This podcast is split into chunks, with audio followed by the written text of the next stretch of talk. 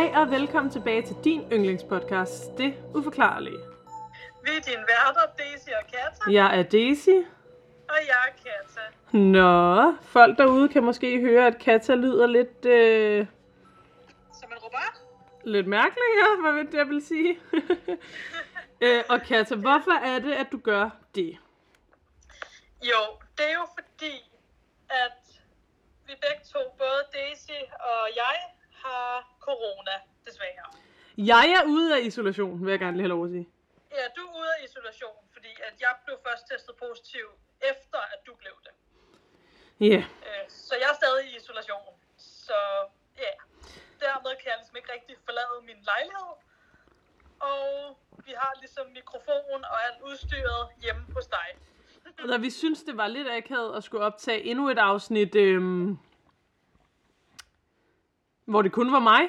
Så nu prøver vi simpelthen, at hun er på højtaler via Facebook. Ja, virkelig amatør. altså, hvad? Jeg sagde bare virkelig amatør. Prøv lige at vente, jeg prøver lige at rykke mikrofonen. Yes. Og så prøver jeg at lægge dig lidt tættere på den til gengæld. Prøv at sige noget. Uh, jeg prøver at sige noget. Lyder det bedre? Det ved jeg jo egentlig ikke, men lad os håbe det. Ja, forhåbentlig. Det er også bare så hed, vi ikke træder på dig hele tiden. det vil jeg være til. Hvad hedder det? Så det kan være, at I hører bimleri fra min telefon, som jeg jo normalt har på flyfunktion. Mm, Det kan være, at Katja lyder mærkelig. intet nyt der. Mærkeligere. øhm, ja, men nu, nu prøver vi at lave noget lidt mere normalt, bortset fra at Katja lyder virkelig nederen. Det bliver rigtig sjovt for mig, der skal klippe det hele og prøve at få lyden til at lyde godt. ja, For det er jo også mig, der bliver nødt til at gøre det, når vi optager via min computer. yep. Lige præcis. Yup. Nå, du gamle, hvad har du oplevet siden sidst? Ikke noget som helst. Ja. det er jo løgn, vi havde premiere på vores forestilling. Det er rigtigt. Gud, ja. Det har vi ikke snakket om, faktisk. Øhm, eller jo, det har vi, men ikke her. øh, nej, jeg snakkede også lidt om det i sidste uge, ikke? Øh, ja. Men ja, det, øhm, ja, det var fantastisk. Altså, det er jo selvfølgelig... Øh, man har jo meget tanken lige nu af, at det blev lidt afbrudt, fordi at øh, vi desværre fik corona, ikke? Øhm, men jo, altså, premieren gik virkelig godt.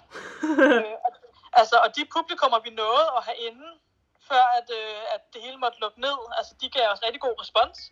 Så det var virkelig fedt. det var det, ja. Uh, ja. vi har jo så også været heldige at kunne flytte forestillingen, kan man så sige. Forhåbentlig. Med mindre landet lukker ned igen, eller et eller andet. Ja, det, det, det behøver vi ikke at snakke om. Nej, øh, har vi oplevet andet? Vi har oplevet, øh, vi har oplevet livet i isolation. Ej, hvor er det ringe. Og det værste var, at min computeroplader lå på, på der, hvor vi øhm, optræder. Ja, Så jeg var i isolation uden computer, og jeg har altså rigtig meget arbejde, der foregår igennem en computer.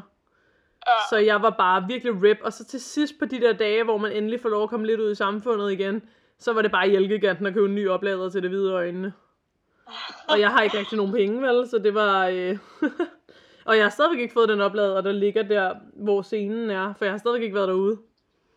Nå, Øhm, jeg tror dog, jeg skal ud på torsdag, så må jeg lige øh, hente den der. Så har jeg det mindste to oplader, men damn, det var hårdt. Jeg levede jo hvad, altså i lang tid uden oplader. ja, Åh, oh, der kunne man høre, at jeg lige fik en snap, var. det undskylder jeg for. Det er fordi, at jeg bliver nødt til at have lyd på min uh, telefon, ellers kan Katja jo ikke sige noget. yep. Nå, Katja, er det dig, der skal snakke med og fortælle i dag, eller hvordan? Åh, ja, det kan jeg da godt. Det kan jeg da godt. Så kan folk rigtig være bare- irriteret over din robotstemme. Ja, skal jeg bare gå lige på hårdt? Jeg synes, du skal gøre det. Jamen, øh, så gør jeg det. Halleluja. Halleluja. Okay. De fleste kender nok historien om Dracula. Den legendariske vampyrgreve, som hører til i sit slot i Transylvanien. Hist- jeg håber i hvert fald, folk kender den. jeg forklarer det ikke mere. Nå, det er fedt. Ja. Historien stammer fra gyserromanen øh, Dracula, skrevet af den irske forfatter Abraham Stokers.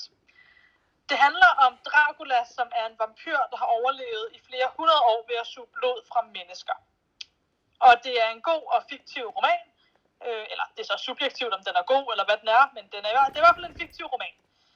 Men mo- nogen mener dog, at Stokers han blev inspireret af en person, der faktisk levede i virkeligheden. Nemlig Vlad den tredje. Og det var jo ham, du snakkede om i forrige afsnit. Det var nemlig ham, jeg snakkede om i forrige afsnit. Så her får I hele den historie, hvad jeg er ved at sige. Og i hvor vi glæder os. Juhu!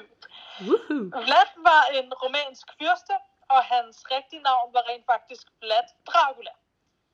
I, altså, og det var hans rigtige navn. I romansk historie er han dog måske bedre kendt som Vlad de Impaler. Og det kælenavn, så at sige, refererer til hans yndlingsmåde at skaffe sig af med sine fjender på. Så kan man jo lige tænke lidt over, hvad det må betyder, Mhm, mhm, indtil at jeg forklarer det om ikke så lang tid. mhm, mhm. Vlad blev født... Øh, den prøver jeg lige igen. Vlad blev født i 1431 i Transylvanien, som er et smukt bjergområde i Rumænien. Hans far var Vlad den anden Dracul, hersker af Valakiet, som er et område og fyrstedømme syd for Transylvanien. Vlad den anden fik det her kælenavn Dracul, og det var altså hans far, som betyder øh, drage, altså Dracul betyder drage, efter at han fik en position i den kristne militærorden, Order of the Dragon. Fordi det lå mellem det kristne Europa og det muslimske osmaniske rige, var det ofte stedet for blodige krige. Vlad den anden øh, tog to af sine sønner, Vlad den tredje og Radu, med, da han blev tilkaldt til et diplomatisk møde i 1442 med sultanen Murad den anden. Det, som de ikke vidste, var, at det slet ikke var et møde, men derimod var det en fælde. De blev alle tre holdt fanget, men Vlad den anden fik muligheden for selv at gå fri, på den betingelse, at han efterlod hans to sønner. Så det gjorde han. Hmm. Øhm, det er jo ikke sjovt, men ja. Sikke en far. Øh, Ja, præcis. Øh, Vlad og Radu blev holdt fanget i flere år, mens de blev undervist i videnskab, filosofi og kunst. Vlad han lærte også at omgås heste og bruge et svær. Der er dog også nogen, der mener, at han udover at blive lært forskellige færdigheder, til tider også blev tortureret og tvunget til at se på Murats fjender, som blev dræbt på den måde, som senere blev Vlads yndlingsmåde at dræbe sine egne fjender på. I mellemtiden blev hans far, Vlad den anden, fjernet som hersker af Valakiet, da lokale krigere jo ham væk og dræbte ham i nærheden i 1447.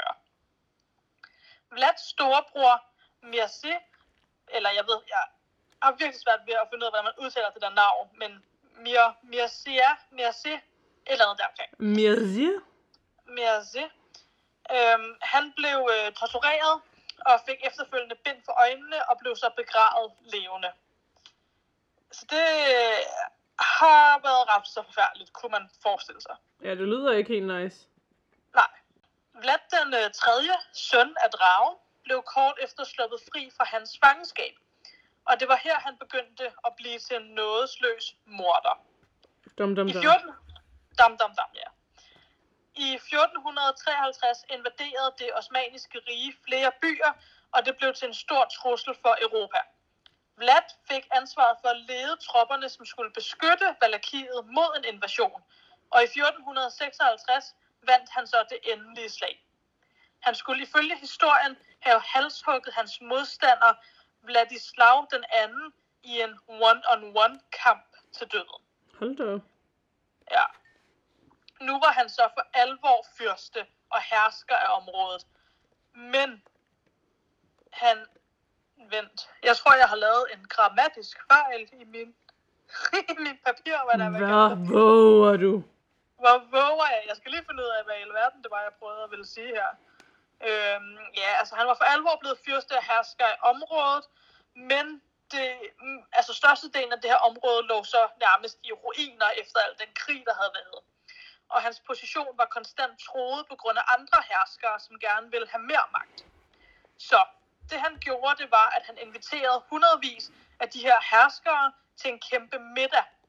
Og så sørgede han så for, at til den her middag, at de alle sammen blev stukket halvt ihjel, ligesom de havde fundet sig til rette ved middagsbordet.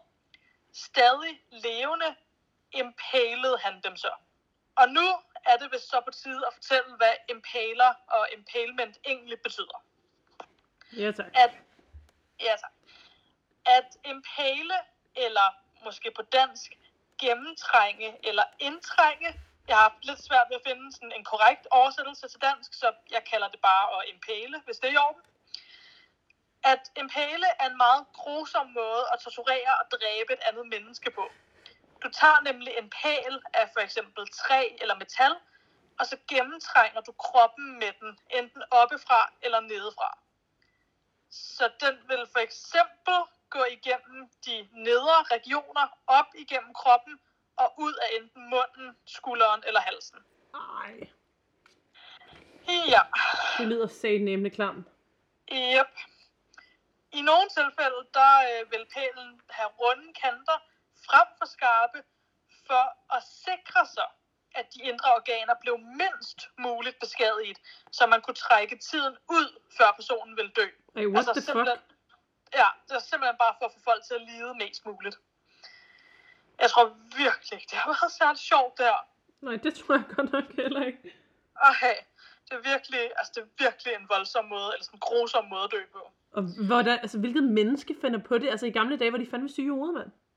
Ja, ja det, det er sygt, ja.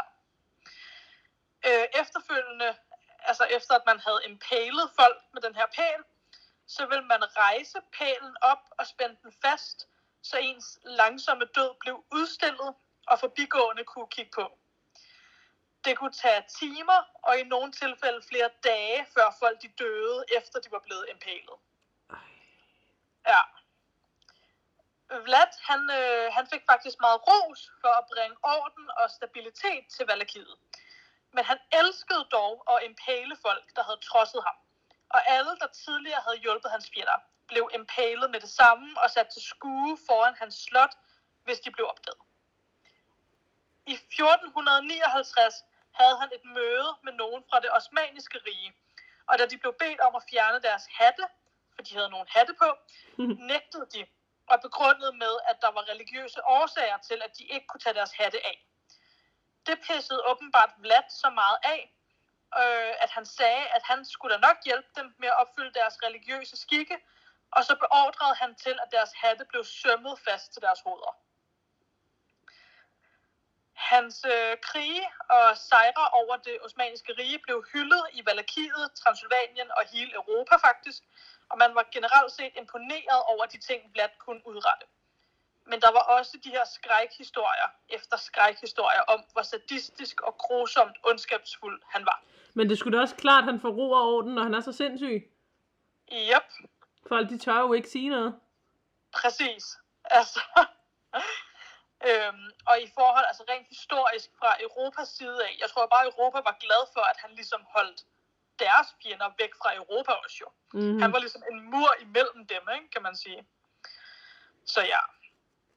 Der, øh, der var blandt andet også en historie om, at efter at have dræbt en mindre her af mennesker og impalet dem i et mønster ved siden af hinanden, så satte han sig, sig selv ned i plant dem, mens de var døende på de her pæle og begyndte at sidde og spise middag. Ifølge den her historie blandt andre, skulle han så også finde nydelse i at døbe hans brød i hans ofres blod og Ej. spise det. Nu stopper det. Ja. Og jeg har så skrevet i parentes, at måske var det blandt andet her, at hele det der, altså med Dracula, det startede. Øhm, at der var den her historie om, at han godt kunne lide at spise hans ofres blod. Mm. Ja. I alt, der skulle Vlad have dræbt omkring 80.000 mennesker på alle mulige forskellige måder. Og deriblandt skulle ca. 20.000 af dem være blevet impalet og sat til skue enten ude foran hans slot eller langs murene til byen Takovist. Efter sine skulle synet af alle de her impalede mennesker have været så modbydeligt, at sultan Mehmed den anden fra det osmaniske rige vendte om fra hans invasion, fordi han blev så påvirket af synet af alle de her mennesker. I 1476, da Vlad og en lille hær af hans soldater var på vej for at dræbe nogen fra det osmaniske rige, blev de let ind i en fælde og overfaldet. Vlad blev dræbt og halshugget, og hans hoved blev afleveret til Sultan Mehmed den anden, som satte det op på byens porte som et trofæ. Middelalderen, den var ligesom øh, øh, grusom og voldelig på rigtig mange punkter. Og selvom Vlad han fik et noget skrækkenjagende ry, så kunne han også nemt have været blevet glemt blandt alle de her grusomme herskere, der var dengang. Men i 1880 blev der skrevet en britisk bog, som blandt andet handlede om Vlad og hans aftryk i historien. Og man ved, at Abraham Stokers, som skrev Dracula, han også læste den her bog. Og det styrker jo måske så også bare troen om, at han blev inspireret af Vlad til at skrive om Dracula. Øh, og jeg vil så gerne lige sige tak til National Geographic, NBC News og Wikipedia. Hmm. Men jeg tænker jo så også bare helt personligt, om der ligesom ligger noget mere i hele det her med Dracula. Altså, fordi en ting er, altså hele vampyrdelen af det, at det jo så efter sine bare er en fiktiv ting. Men jeg tænker bare, om det kan være mere end bare fiktivt. Hmm. Øh, ikke, ikke nødvendigvis med Vlad Dracula. Altså, jeg siger ikke nødvendigvis, han specifikt var en vampyr, men jeg ved ikke, jeg tænker bare, altså, og det, og det, tænk, og det, hvad hedder det, drager jo også bare tilbage til hele det der emne om vampyrer generelt. Ja, som vi havde tilbage i hvad, afsnit 5, har jeg lyst til at sige. Ja, sådan nogle af de første, af vores første afsnit, ja, hvor vi snakkede om det. For ja, en ting er, om Stokers er blevet inspireret af Vlad i forhold til, til Dracula, men jeg ved ikke, der er også bare noget med det der med, at Vlad havde så meget succes med at dræbe så mange mennesker. Altså, det ved jeg godt, at historisk set var der jo flere, der måske havde den succes gennem årene. Eller succes og succes, altså kan man jo så diskutere, om det skal hedde. øhm, men jeg tænker også bare, om der har været et eller andet overnaturligt på spil, på en eller anden måde. Ja, eller om nogle af de overnaturlige ting har kunne gemme sig i, at der er sket så meget andet i middelalderen. Ja, præcis. Også det, ja. Hmm. Ja. Men det kan da også godt være, at han var lidt crazy, hvis han spiste folks blod og sådan noget. Ja. Men, altså, nu skal jeg ikke lade som om, at jeg er psykisk master, skulle jeg til at sige, ikke? Men, altså i gamle dage, der blev man jo udsat for ret mange traumatiske ting, som vi den dag i dag er forskånet for, ikke? Ja. Og sagde du ikke, at ham der dyven, han havde været til fangetaget som gissel og sådan noget? Jo. Hvor han jo nok også har været udsat for nogle ret ubehagelige ting selv. Og nu til dags, for eksempel seriemorder, så er det jo tit, at de har været udsat for alt muligt, da de var børn. Ja. Så jeg siger jo ikke, at han ikke har været syg i hovedet, og ikke har været virkelig modbydelig. Jeg siger bare, at der måske er en forklaring på, hvorfor han endte, som han endte. Ja. Men Det giver i hvert fald mening. Tænker man i gamle dage, gjorde sådan nogle ting, også ligesom sådan noget med, at man korsfæstede folk og sådan noget, det er fandme ubehageligt. Mm, Altså sådan, Virkelig. hvordan får man lyst til det? Og sådan det der med at stå og kigge på folk, der står og lider og sådan noget, det er så syret. ja, det er virkelig, altså, Jeg forstår det. ja. Og altså, jeg jo godt forstå den der sådan, altså, hvis der er krig, og at det er sådan, jamen enten er det mig, der dør, eller også er det dig, der dør. Altså, det er jo bare, det er jo også bare et, øh, hvad hedder det, instinkt, altså i forhold til overlevelse jo. Øhm, men det der med, at man kun skal sådan dræbe folk halvt, for så at torturere dem på den måde bagefter, inden de dør, ja. det forstår jeg virkelig ikke. Det er altså sygt. Det er syret. Det er jo som om, han bare godt kunne lide at se folk lide. Ja, Også det der med, at det skulle op igennem, som du sagde, deres nedre region, og det er jo også en ekstra ydmygelse på en eller anden måde. ja, Fordi der er jo bare noget, lige så snart du skamferer folks køn, så er det ligesom et ekstra lag af ydmygelse, ikke? mm, På en eller anden måde. Fordi det er så øh, indgroet i os, at det område er no-go, medmindre du bliver inviteret, ikke? Eller sådan, ikke? Ja. Og så også det der med, at det var ikke bare sådan nede i en kælder, at de blev tortureret. Altså, det er også det der med, at det skal være sådan offentligt, så alle folk kan sådan kigge på dig, mens du langsomt dør. Og der er sikkert folk, der er gået forbi med deres børn og se, se lille Karen, Ja, ham der, han stjål, stjal fra bageren, det må man ikke, eller et eller andet. ja, præcis. Altså i gamle dage var de så fucked up, man. Ja. Klam historie. Jo tak, jo tak. som ligger så lidt op af det, du snakkede om med ham der, der øh, pyntede sin Halloween-have op til det. Og ligger så lidt op om vampyrer. Du laver ja. really uh, the full circle, hva'? Ja. Åh ja, jeg havde lige lykkeligt glemt ham der med Halloween. Det kan man høre om i afsnittet ha- ha- Halloween hashtag 2. Oh yes. Oh yes, nå er det min tur. Min er lidt Okay. blød, eller hvad man siger. Ikke Nå. blød, men sådan let spiselig. Okay. og ikke øh, mega lang. I ugens afsnit har jeg valgt at blive lidt i Halloween-stemning, før der går total bjælteklang i den i næste uge. Fordi fra næste uge af, så er det december. Er det ikke? øh, nej. Jo. Det er først. Eller jo, jo, det er faktisk rigtigt. Jo. Ja. jo. Øhm, ja. Hvad hedder det? øhm, Og hvad jeg vil lave, som er decemberagtigt, det har jeg ingen anelse om. Men, jeg vil derfor blive Halloween-verdenen lidt endnu. Og jeg vil derfor tale om sorte katte. Uh. Så det er ikke sådan en specifik sag, det er ligesom sorte katte som koncept, var jeg ved at sige. Ja. Okay. Og vi starter lidt dramatisk, er du klar? Jeg er så klar. Siden tidernes morgen har katte og mennesker haft et ekstraordinært forhold til hinanden.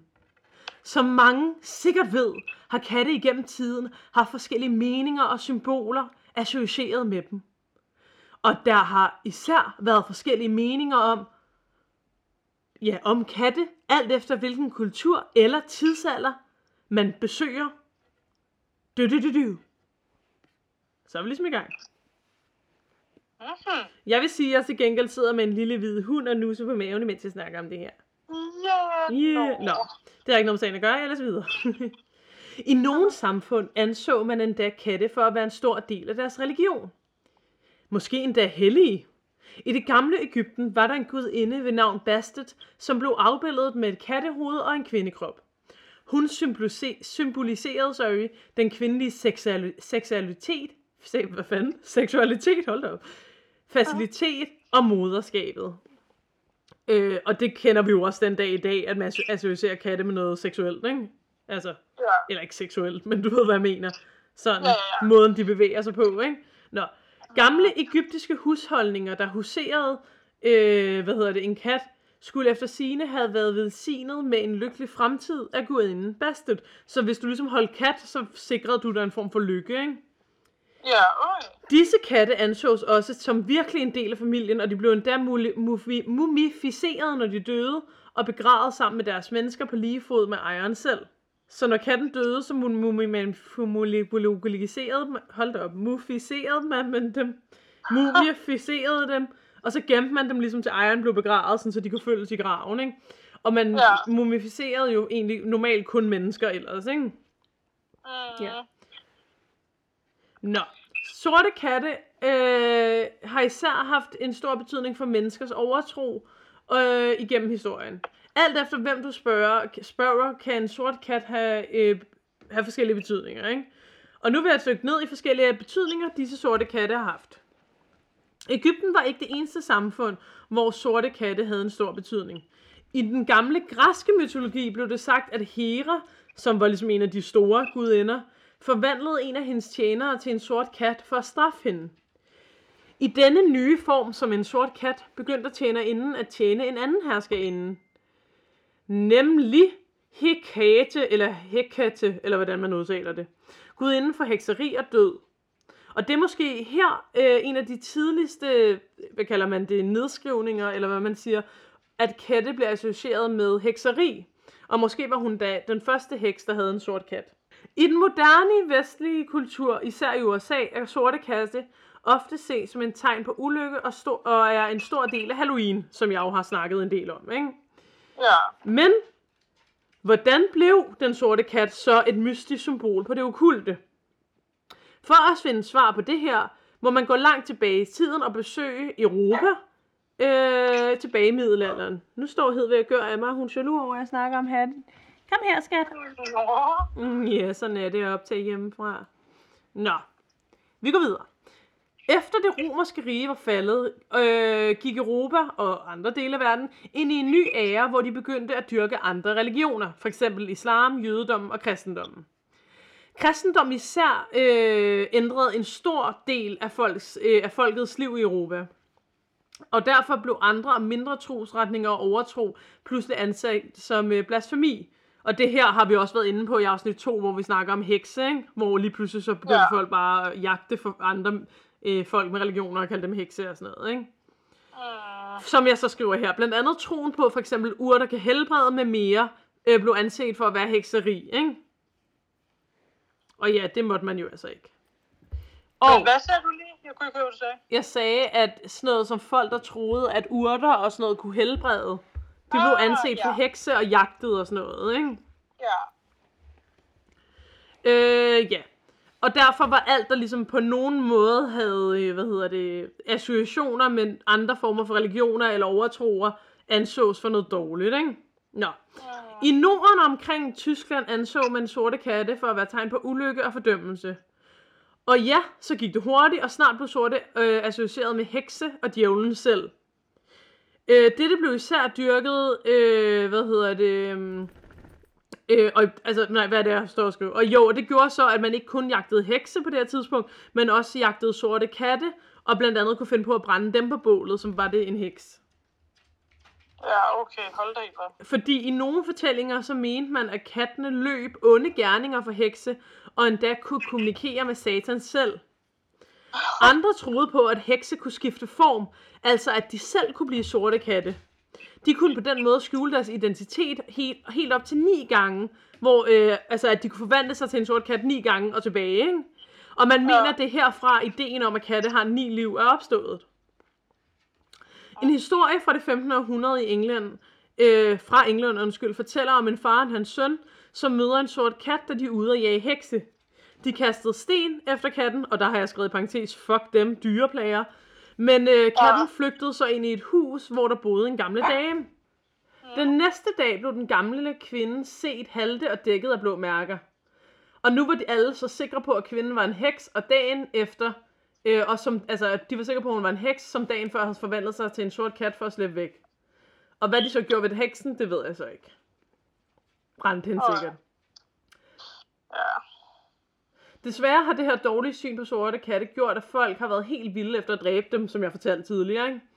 Nogen Ah. mener faktisk, at man dræbte så mange katte øh, i den tid i gamle dage, at rotterne, som ellers levede frit vildt, ligesom blev, øh, blev for mange, hvis det giver mening. Og det var grunden til, at pesten blev så stort et problem back in the days.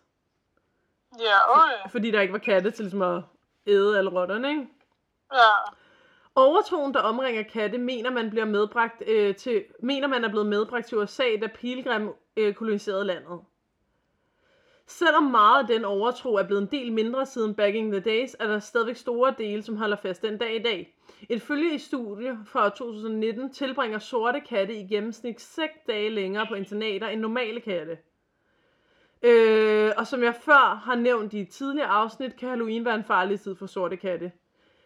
Øh, de bliver åbenbart brugt til pranks øh, og til Halloween-udsmykning af folk, som ikke har tænkt sig at give katten et godt hjem. Øh, og nogle katte bliver endda tortureret og dræbt under Halloween, ligesom for sjov, hvis det giver mening, ikke? Oh my god. Det gør mig så sur, ja. Og åbenbart er der flere okulte ritualer omkring Halloween end resten af året, og her er det åbenbart meget normalt, at man dræber sorte katte. Øh, og så på grund af det her er der rigtig mange internater, især i USA, der slet ikke lader folk adoptere sorte katte hele oktober. Ja, okay. Men det er godt nok, ja, mennesker er seriøst så syge i hovedet. Øh, men der er jo også mange mennesker i Danmark, for eksempel, der ikke synes, at katte er rigtig dyr, eller hvad man siger, som når de flytter, så efterlader de dem bare, og så må de klare sig selv og sådan noget. Jamen, det er så seriøst. Nå, men ikke alle historier om sorte katte øh, handler om, at de er nogle onde ånder. For eksempel er der en irsk folkehistorie, der fortæller om en fe, der blev kaldt Katshi, eller hvordan man udtaler det. Øh, Ja. Eller Ka- Katsit, eller sådan noget. Ikke? Jeg tror, det udtales Katsi. Hun skulle efter sigende tage form som en sort kat. Hun var ikke ond. Faktisk så ville hun øh, beskytte din husholdning og hjælpe med, øh, at dine afgrøder blev gode, så længe du sørgede for, at hun blev glad. For eksempel kunne man tilbyde hende en skål mælk. Men Katsi var heller ikke en, man skulle gøre vred. Hun kunne fratage dig din gode lykke lige så nemt, som hun gav den. I en bestemt historie, så prøvede en mand at forgifte Katshi for at bevise, at, øh, at alt det her om hende bare var overtro.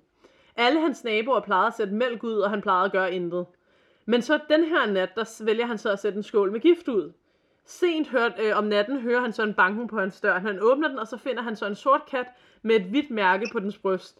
Den er ved at dø foran hans hoveddør. Han går så ned i byen for at finde ejeren til katten. Og hvorfor han gør det, han må da vide, at katten dør, hvis den, ja, I don't know. Men han går i hvert fald ned i byen for at finde ejeren, ikke? Mm. Men så bliver han distraheret af en bar, som han så går ind på, og han lader åbenbart bare, at katten ligger død. I don't know. Efter et par drinks, så fortæller han så til nogle andre besøgende på baren, øh, hvad der er sket. Og så på baren var der også en kat, som øh, ligesom boede på baren, ikke? som også overhører hans historie. Og da han så er færdig, så rejser katten sig op på to ben, og så taler den med menneskestemme. Den siger, Nå da, det må så gøre mig til kongen af katte. Og så lige pludselig så angriber katten bare manden og jager ham ud af byen. og jeg ved så ikke, hvad der skete med den anden kat. Men øh, det er en god historie. I nogle dele af Skotland var Catchy øh, også kendt for at tage sjælene fra folk, der lige var døde. Øh, ja, inden at guderne kunne nå at tage sjælene. Ikke? Så derfor så laver man lege, eller i gamle dage lavede man lege øh, og gravvogteri for at distrahere kattene, der ville komme på gravsteder. Så i stedet for decideret at fange og torturere dem, så er det mere sådan, så laver man mere sådan nogle lege, der gør, at kattene bliver distraheret, så vidt jeg kunne forstå det. Så de ikke tog de døde sjæle. Og der blev også spredt katteurt inde i folks huse, inden en begravelse for at holde katte indenfor. Det er sådan en weird ting, men det gør man altså. Ja. I andre kulturer anser man sorte katte for at bringe lykke. I Japan er alle katte et symbol på rigdom og lykke, men især den sorte kat er velset, da den bringer beskyttelse mod onde ånder. Og åbenbart øh, kvinder øh, i det gamle Japan, der havde en sort kat, havde skulle efter sine have nemmere ved at finde en ægte mand. Nå. I Frankrig i gamle dage bragte sorte katte lykke og held, hvis man fodrede dem godt og gav dem kærlighed. Det synes jeg var meget sødt. Ja. Også sejlere i nogle øh, lande i ældre dage var glade for at have sorte katte. De blev nemlig anset for at være lykkebringende til havs. Og så var det også meget smart at have dem med ombord, fordi at de dræbte mus og rotter. Og så var de jo også meget hyggelige at have som selskab. Og til, når man ligesom var ensom at sø- til søs, ikke? Ja. I Danmark har sorte katte også været under stor øh, overtro. I gamle dage mente man i DK, eller i Danmark, det er fordi jeg har skrevet DK i mine noter, at den sorte kat stod i ledtø med djævlen, øh, og det er blandt andet derfor, at man slog katten af tønden til faste lavn, hvilket jeg synes er forfærdeligt at tænke på, man har gjort. Men altså, ja ja. Mm. På den måde mente man, at man kunne fordrive de onde ånder. Men altså, øh, katten, den sorte kats ledtog med onde ånder kom ikke kun til udtryk til faste lavn. Det var, som jeg fortalte tidligere, da kristendom kan- kom til Europa, at man ændrede øh, synet på katte drastisk. Øh, hvad hedder det? De kristne frygtede katten, da modsat de andre husdyr, som man godt kunne se, øh, så kunne katten, øh, ikke, den sorte kat, ikke så godt ses i mørke, og den kunne jage i mørket. Og det var netop den her øh, øh, evne, der gjorde, at man mente, at øh, katte må stå i ledtog med hekse og djævle, fordi man synes, det var så mærkeligt, at den kunne se i mørket, ikke? Øh, ja. Og særligt så blev den sorte kat i Danmark stadigvæk også set som øh, uheldsbringende. Sort var nemlig mørkets farve, og det gjorde netop den sorte kat var særlig fa- farlig. Øh, frygten for sorte katte var så stor, at bare det at eje eller fodre en sort kat, kunne ende i Danmark med, at du fik fængselsstraf eller henrettelse. Ret syret, ikke? Jo, hold da. Ja, og så kender vi jo alle sammen den der med, at man siger, at hvis en sort kat krydser vejen, øh, så øh, kan man ifølge overtroen afvære ulykken øh, ved at stoppe og afvente, at en anden person krydser vejen før dig, og du kan også spytte bagud over skulderen for at afvære uheldet. Altså fordi man mener, der kommer uheld, hvis en sort kat kører ind foran dig. Og jeg må skulle sige, at jeg tager sgu mig selv i, hvis der er en kat, der løber over vejen foran mig, som er mørk i det. Så ser jeg der 7 9 13 og spytter mig lige over skulderen. Ja. Nå, mange frygtede øjenkontakt med sorte katte, fordi de blev anset for at være hekse, som kunne fortrylle sig, som jeg har fortalt om tidligere, ikke? Mm. Og ja, de blev dræbt i massevis, også i Danmark. I Italien er der en overtro, der siger, at hvis en kat hopper op i sengen til en syg person, vil personen dø kort tid efter. Øh, ja, og der så har jeg skrevet, så rest in peace, sorte katte, især førhen. Ja. øh, og jeg vil gerne lige sige tak til øh, Unsolved Network og dyrenesbeskyttelse.dk. Så det var ligesom bare en masse facts om sorte katte. Ja. Det er altså synd for dem. Altså, de har jo Ja. ikke gjort noget. De har ikke gjort noget, nej. Eller, det ved man jo selvfølgelig ikke gjort. øh, jeg tror, at det bare er mennesker, der er syge i hovedet i den her sammenhæng. Mm, Ja. Det tror jeg sgu. Åh, oh, oh, der fik jeg en snap til. Åh, oh, oh, det kan man lige høre der. Ja. Ja, Jeg ved ikke, jeg vil i hvert fald sige, altså de sorte katte, jeg har mødt gennem mit liv, de var altså alle sammen mega søde. Jeg er enig. Jeg mødte også nogle sorte katte i sommer, der var rigtig, rigtig søde. Kan du høre mig? Eller er du lagt på? Ja, nej, jeg kan godt høre. Nå, nå, nå, nå, nå, nå, nå, Ja, typen. ja, ja, ja, ja, ja, ja. Du skal ikke komme her, du. Nej, nå, men der er vel ikke så meget andet end- til min historie at sige, end at behandle nu dyr ordentligt. Ja, virkelig. Øhm, det kunne være rart for alle enhver. Ja. Øhm, min midlertidige podcast er ved at falde i hovedet på mig. Jamen, øh, er det et tegn fra guderne? Hvad er Vi skal lige huske at tage ugens lys. Det er rigtigt. Ugens lys. Start du isolationspige. Skal jeg starte? Yep. Ugens lys. Hmm. Mm. Jamen, altså, jeg havde jo egentlig et lys, der hed, at vi havde premiere på vores forestilling. Øhm, Nå, men det fortalte jeg for dig forleden. ja, plus vi snakker også lidt om det i starten her. Ja. Øh, så det er måske sådan lidt... Ja, hmm, har jeg et andet lys? Altså, okay, jo, jeg har faktisk et lys, der hedder, at jeg har corona for første gang. Øh, går jeg i hvert fald stærkt ud fra det for første gang. Jeg er blevet testet ret meget, siden at corona overhovedet var en ting. Øh, så selvom man ikke kan regne 100% med især kviktestene, så går jeg ud fra det første gang, jeg har corona. Og jeg har det egentlig ikke, altså, det er ikke alvorligt, var jeg med at sige. Det ved jeg også, at det er det måske heller ikke for særlig mange, når man har fået vaccinen. Men alligevel, altså, det er stadig noget at være taknemmelig for, kan man sige. Helt sikkert. Selvfølgelig kan du stadigvæk nå at få symptomer. Ja, Ikke for at ødelægge dit lys. jamen, øh, det er fint, det gør du bare. Men jeg vil sige, altså jeg har jo også haft corona. Vi Ja. fik det jo nok samme sted, uden at nævne Ja. nogen navne af folk, der har smittet os. Ej, man ved selvfølgelig ja. aldrig, hvem der har smittet en. Øh, men, men jeg havde, jo, jeg havde det da dårligt. Altså jeg fik jo også symptomer, hvilket gjorde, at jeg kunne gå ud af min isolation tidligere af en eller anden årsag. Jeg forstår ikke helt, hvorfor. Øhm, altså efter, at mine symptomer var stoppet, ikke? Selvfølgelig. Ja, Hvad hedder det? øhm, Men jeg tror, det er fordi, at det egentlig er symptomerne, man kigger på. Men hvis man så slet ikke har nogen symptomer, så har man sådan et sikkerhedsnet, hvad er ved at kalde det, som hedder syv dage eller sådan noget. ja, ja, det kan godt være. Men Eller i hvert fald, jeg, jeg, jeg havde det dårligt, og ja, jeg blev meget, meget træt. Det gjorde jeg. Ja, Men, men i forhold til, at vi har gået og frygtet det i to år, og jeg ved godt, der selvfølgelig er forskel på, at man er ung og gammel, og man har vaccinen og ikke har vaccinen, og man har sygdom i for- forvejen og sådan noget, det ved jeg godt. Men i forhold til, at vi har gået og frygtet det i to år, så havde jeg det sådan her, that's it. Hvilket jo selvfølgelig bare er, fordi jeg er heldig. ja, Og det ved jeg også godt, men du ved, det var stadigvæk også meget rart at være sådan, når det var bare det. ja, Ligesom med dig, ikke? jo. Præcis. Øhm, dermed ikke sagt, at jeg ikke, jeg ikke tror, at der er folk, der får det dårligt. Det gør jeg. Helt sikkert. Ja, Og hey, okay, så ved jeg, hvad mit lys skal være. ja, De siger jo, man er immun nu, i hvert fald op til to måneder, ikke? Ja. Eller tre måneder, eller hvad det nu er. Jeg har engang hørt det et år, men det ved jeg ikke, om jeg tror på. Anyways, det vil sige, at man kan gå igennem hele december, uden at bekymre sig om at få corona. Ja, Det er sgu nice. det er altså meget, det er meget dejligt. Også sådan noget, altså i alle julefesterne og kirke og nytårsaften og ja. Og ja, vi skal jo holde nytår sammen, Katja. Nå ja. Der skal det også Nå snart i gang med at planlægges. Der kommer lige nogle andre også, men øh, det går ned. Der kommer lige nogle andre også. Nogle randos. det jeg mener er, at vi skal ikke holde det alene. Selvom det havde også været hyggeligt. Det gjorde vi jo et år. Ja, det har vi faktisk gjort en gang. Det har vi, men det var sgu da også hyggeligt. Ja, Ja, der skal være treretters menu, der skal være bobler, der skal være sexy dresses, i hvert fald i mit vedkommende.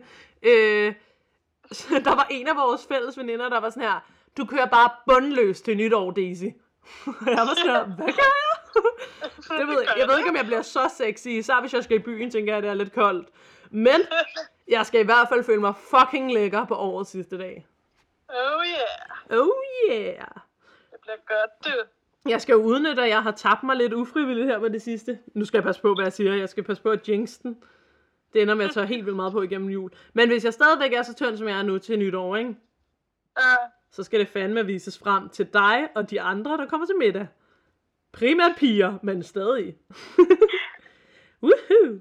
det bliver sjovt til nytår, du. Det, Det gør det. Jeg skal i hvert fald... Øhm, jeg skal have en hat på, og så skal jeg have, så hatten passer. jeg skal eddermame. Jeg har ikke haft, eller jeg, føl, jeg har ikke haft en ordentlig nytårshat i mange år. Det vil jeg have i år. Jeg siger det bare. Vi skal have en ordentlig nytårshat, mand. Oh ja, yeah, en rigtig god en. Ja, for helvede. Det hører også til. Ja. Måske skal vi planlægge et eller andet med, at alle, der kommer, skal have planlagt en form for sådan øhm, noget, vi skal. Eller sådan leg eller et eller andet. Det kunne være meget sjovt. Mm, Det må vi jo se Ja. på. Og hvad hedder det? Fortsættelse følger. Vi har jo lige været fire tirsdage inden nytår eller sådan noget. ja. Jeg, det kan jeg lige hurtigt tælle, bare lige for sjov. Så kan vi jo snakke om det. Vi har 1, 2, 3, 4, faktisk 5 tirsdage inden nytår til at snakke om det. Uh, Uh, så ved du, hvad jeg har at sige til det? well, Jamen, var det så det? det tænker jeg. Jamen, så until then. Og til alle ånderne derude. Please don't hjem